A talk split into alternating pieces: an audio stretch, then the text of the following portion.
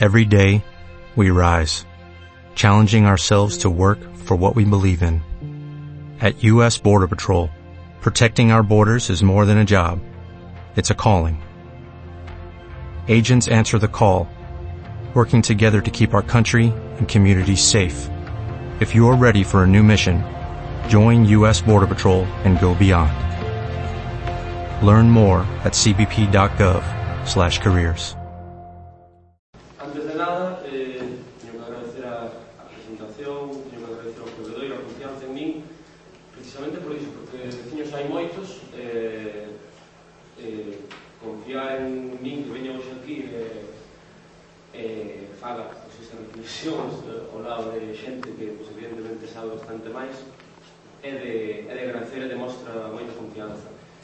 Vaya tamén ao mesmo tempo por diante que eu non volve un pouco, nin nada semellante, porque nin me lixeu para tal cousa, nin, nin creo que pudera facer. Eu tan só traio unha, unha opinión máis de que pois, ve a historia pasar por diante dos veciños e, e a fin de contas que todos, que todos temos. Non? Eh, comezarei dicindo que eu creo que este acto é necesario. Eh, é un acto moi necesario porque o motivo é o máis xusto polo que un un ser humano se pode mover. Eu creo que defender e loitar o medio no que vive e a terra que é eh, merece todo tipo de movilizacións ou de ou de iniciativas até a, a donde sexa, non? A parte, esta en concreto, eu creo que ademais ten o acerto de procurar un amplo abando de puntos de vista dende quen pode informarnos con achegas técnicas até quen pode agitarnos as conciencias lembrándonos onde vivimos, que ás veces parece que esquecemos, pasando porque pode ofrecer e actuarnos solucións. Eh, eu procurarei, como dicía Heitor, desenvolver entón un enfoque un poquinho máis social, eh, simplemente pois, dende a porta da casa, eh, falar do que, do que todo mundo, do que todo mundo ve e do que todos padecemos. Non? A maioría dos que estamos aquí vivimos alrededor dun encoro que poderíamos porlle innumerables adjetivos. Falamos dunha empresa relativamente nova, de nove anos, dende a, dende a, dende se pechan as comportas. Non? Pequena, son 160 metros de longo, 38 de alto, 6 km de longitude, 6,15 hectómetros cúbicos de capacidade, ilegal, como creo que quedou demostrado aí un pouquinho, unha manchada de sentencias judiciais en contra, injusta, con creo que son máis de 27.000 alegacións en contra, innumerables informes, pois que xa se citaron algúns máis polo miúdo antes, en contra, pues, eh, creo que quedou demostrado que é perigosa, eh, tanto desde o punto de vista eh, xeolóxico, eh, con informes xa dende aquela que non aconsellaban aí iso, como hoxe en día o, a auga, o estado da auga que, que ten ali retido, non? É un problema de, de saúde pública, está claro, porque dunha maneira ou doutra hai xente que está bebendo agua que procede da. Eh, está podre, está contaminada, é destructivo, non sei, os adjetivos os que se nos poden ocurrir, non?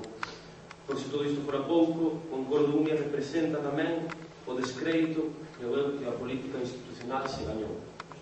Que o aparello judicial se merece é que este sistema eh, democráticamente capitalista e capitalistamente democrático xerou para si sí mesmo. Un breve noteiro pola liña do tempo para situarnos nada máis lévanos aos anos 90 xa cando se coñece un proxecto baseado, como xa se dixo noutro pensado para un río e un entorno estranxeiro, como en Huelva, Andalucía, estaba iso como demostran pois, que no estudo de impacto ambiental aparezan especies que, que nas hai por aquí non? no ano 98 comezan as obras eh, no mes de abril e ao tempo lóxicamente, que comezar a resistencia activa, non? as denuncias perante instancias europeas, como tamén se dixo xa, movilizacións, enfrontamentos, eh, e non podemos pasar, iso sí, por alto este punto, hubo duros enfrontamentos.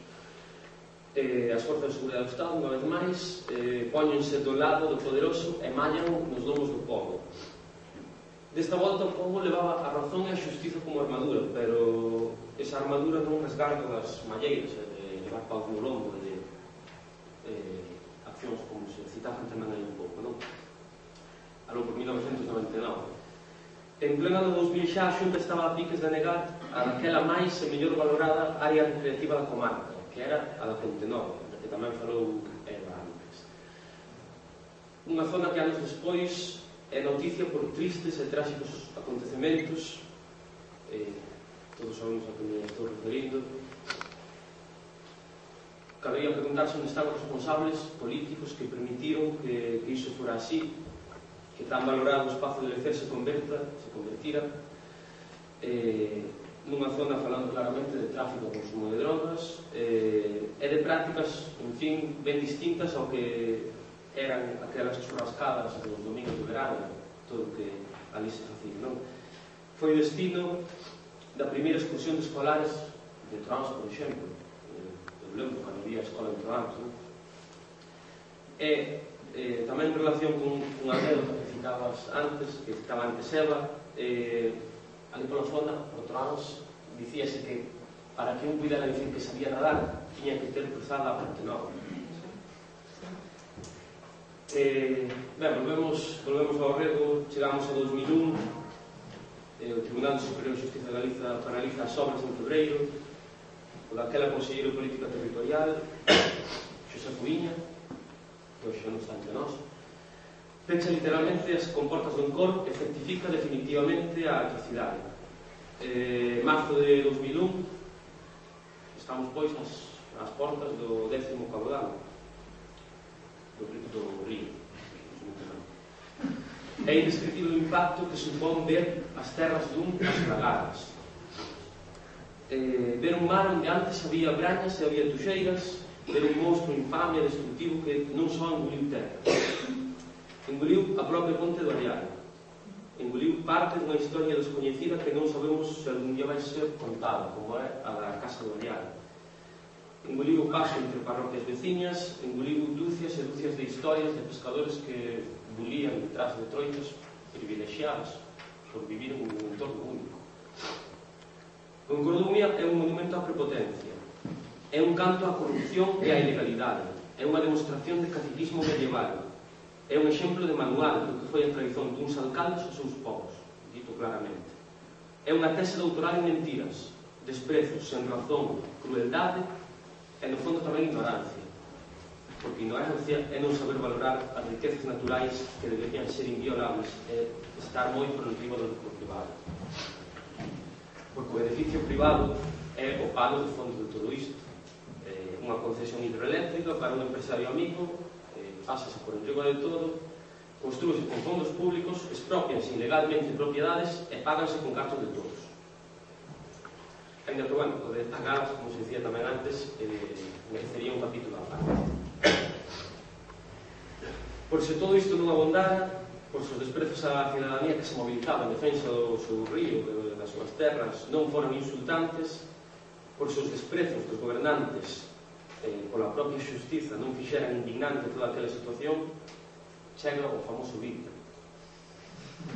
a xunta esculpiu esculpiu aos veciños das parroquias de contorno un vídeo explicativo das supostas bondades que un coro suporía. Era unha escolma de disparates pois, que procuraba vender os pernos argumentos que a xunta callara para a defensa da obra. Era un insulto á intelixencia dunha veciñanza sumida na impotencia que vía como se mofaban con este despropósito de mentiras en formato audiovisual. A análise do vídeo é moi recomendable dela agora. Eh, daría para unha longuísima intervención aquí e sería mercente dun capítulo máis extenso. Eu vou tratar de resumir un poquinho por enriba. A ficción publicitaria comeza dicindo, comeza presentando o río Unia, acusando de provocar inundacións e perjudicar en tempo de verán e cando caudal era escaso que eles chaman a zona natural lumiocábal. Asentan a partir de aí a suposta necesidade de construción dun entorno na baixa, que seica os estudos xeolóxicos indicaran que era o adecuado. De novo, unha vez máis, falso. Tamén para garantir a calidade da auga e o abastecemento a poboación. É curioso, fixados, o que pretendían era a calidade da auga e o abastecemento. Eh, presentan a propia presa, a propia presa perdón, como un enxeño da técnica, cun deseño impecable e beneficioso, eh, todo moi maravilloso. entonces empezan a comezar, eh, perdón, comezan a, a, a relatar as actuacións que cometerían na contorna. ¿no? Instalación dun talude, atención a isto porque instalación dun talude de material xeotextil nas beiras dun coro sobre o que se transplantarían solos de bosque de ribeira e especies como a medeira no que eles chaman a banda árida, que é a, a diferencia de caudales que sube que deja das marxes, iban a instalar isto, ten un nome complicado, pero por nome que ten parece importante, non? Porque incluso di que ia ser o primeiro coro de Europa no que se iba a aplicar esta técnica. Aparte, eh, un dique, un dique para reducir a erosión das ribeiras, no que eles chamaron biosecto de Grixó, punto no que a algo corada, atención outra vez, sería lugar seguro para a navegación aberta. Na Pontenova. Con todos, o máis espectacular está por vir. Que era o proxecto para a zona do Olímpicos. Non, era unha área recreativa con embarcadero, embarcadoiro e almacén para embarcacións. Centro social para pescadores, pistas deportivas, merendeiros, piscina natural, etc. Hai que dicir que as imaxes coas que ilustraron, iso sí, estas fantasías animadas, son do máis chamativas e eh, non son famosas, eh? unha illa de eucaliptos no medio do pantano con niños artificiais para o repouso de aves e unha completa rede de camiños polos que poder percorrer o coro a pé ou en vehículo. É moi recomendable ver o, o vídeo ese porque agora ven o que temos hoxe, non?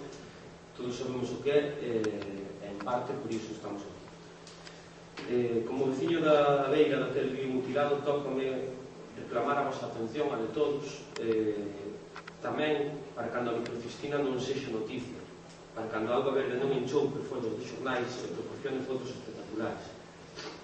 A primeira vez que se detectou foi algo por 2006, e ben é certo que causou impacto durante algunhas semanas, pero chegou o inverno e pasou a noticia, o que non quer dicir, lógicamente, como vemos hoxe que pasa no problema. Non? Desta volta a acumulación, a toxicidade, a podrenia tal que nin as choivas poden coarla. Por iso subsiste a noticia e por iso Os oportunistas habituais presentan agora plans de regeneración da conca do río e os levan ao Parlamento. Ben, por iso é máis porque a maio van volver tan amados como sempre pelas portas das casas. Non temos talude de material xeotéstil con bosque de ribeira. temos leña podre, cañotos, lixo, botes, botellas, vidros, plásticos, paus da luz que emerxen das algas, postes e araño de parra, cascaros, maleza, Temos a imaxe do desleixo do abandono, temos depuradoras e vertidos incontrolados. Non temos ameneiros, seguimos tendo eucaliptos. En Quixón non hai un dique que reduce a erosión. Hai paredes abandonadas, que son escenario, como dicía antes, de prácticas ben distintas á navegación a vela do Quixón. Hai maleza incontrolada, producida por un estado de abandono que só se racha cando acontecen traxedias criminais e cando días despois os oportunistas, sexan dun color ou sexan doutro, baixan ali a facerse fotos para reclamar o derrubo do vello bar. Non hai embarcadoiro, nin centro social para pescadores, nin pistas deportivas, nin piscina natural. Non hai nada. Só queda a lembranza daquelas obscenas promesas e daquelas mentiras impunes. Hoxe temos un río tapiado, con auga podre e un entorno abandonado. Tamén cando non hai clases, tamén cando non se fan actos como este, tamén cando, bebe, cando perdón, Caldas bebe con certa normalidade. Non falamos dun escenario de quite pon para cando os medios de comunicación escriben e os políticos exiben a retórica do e que máis. Un condomio está todo e o río ten unha parte morta. Din os médicos que cando isto acontece o máis eficaz é a amputación. A solución foi semella clara, non hai tratamento de valga cando o mal está instalado. A regeneración só pasa, creo eu, tampouco sei moito desto, porque o, porque o río volva a correr eh, libremente Dende o punto de vista técnico ecologista, eh, a solución é a, creo que, a demolición da presa. Xurídica políticamente, é certo que vería que estudar o rescate da concesión, pero, ollo, isto non é de un disparate porque o propio Ministerio de Medio Ambiente hai escasamente dos meses eh, ordena o rescate dunha concesión nun río en Ávila, a la Castela, o río Berbellilla.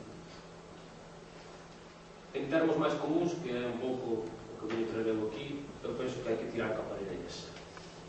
Eh, temos que exixilo, porque se faría cos nosos cartos, igual que se levantou. Por iso, xa para rematar, vou deixar aquí unha sugestión que eu puxen. Hai que mobilizarse. Hai que sair á rúa, hai que manifestarse, porque é necesario. Porque é unha causa xusta. Que non se tiver feito xa, eh, non debe ser a tranca para que non se faga. Hai, creo eu, capacidade de mobilización, é un asunto de bastante perigoso eh, de consideración. Hai conciencia de que este é un problema grave e de que se precisa a xitación profesional eu creo que desde a poltrona non me parece o caso. Así pois, nada máis.